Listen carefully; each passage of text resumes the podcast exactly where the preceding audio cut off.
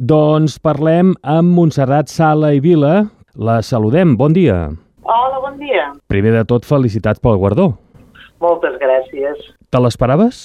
Gens ni mica, però per res, no sabia, no sabia ni que la meva candidatura l'estava presentada, imagina't. Què destacaries, però, dels estudis que has fet entorn a les dones lloretenques? Què en destacaria? Mira, sobretot que més enllà de la mirada de que la dona benestant es quedava a casa i que només tenia cura de la família i, i de la casa i poca cosa més, vale, que tenia un paper secundari, el que m'està demostrant la recerca que porto a terme és que no sempre és així. Moltes vegades elles estan al capdavant dels negocis, poder no, no al capdavant en el sentit de que aviam, no estan, estan en allà, ¿vale? Vull dir, gestionen tant la família com els negocis i estan al tanto de tot. Això és el que més crec que cal destacar. En els temps que estem vivint i que es posa tan en valor la figura de la dona, creus que encara pren més valor que, que, que ho veiem o ho destaquem des d'un prisma més local? Eh, I tant. Jo és que sempre penso que... Jo, en el fons, el que estic fent és una història que va de lo petit a lo gran, ¿vale? de la particularitat a, a l'aspecte general. Eh? I en, en aquest àmbit local, doncs, doncs jo crec que, que va molt bé i és molt representatiu. Eh? Vull dir, de, de pensar que del petit detall de les dones en traiem una història global.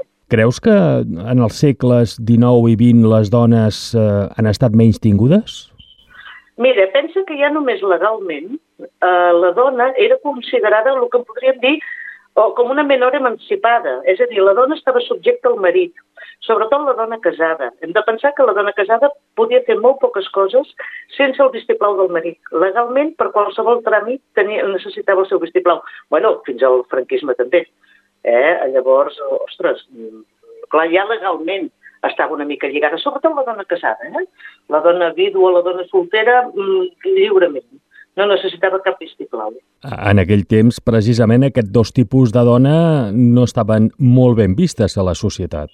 Precisament, precisament, la dona vídua, la dona, la dona soltera no, eh? sempre estaven com etiquetades, però en canvi veiem que elles eh, són les més autònomes, a diferència de la dona casada. Uh, finalment, uh, què representa rebre aquest guardó uh, d'una associació que veritablement representa la dona? Doncs mira, un orgull. Un orgull per molts motius. Eh, primer perquè jo no comptava ni que la meva candidatura fos presentada.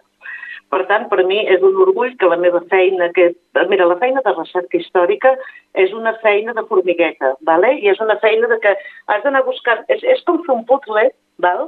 però que les peces els has de buscar, i quan els busques i els trobes, llavors els has d'anar encaixant.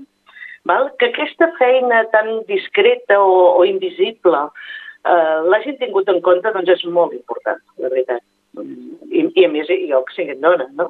Perquè clar, com a dona treballo, eh, tinc cura de casa meva, com les dones del segle XIX, o com moltes dones d'avui en dia, tenim cura de tot, eh? de la feina, de la casa, i el petit espai que ens queda, bueno, ara el, el dedico a la recerca.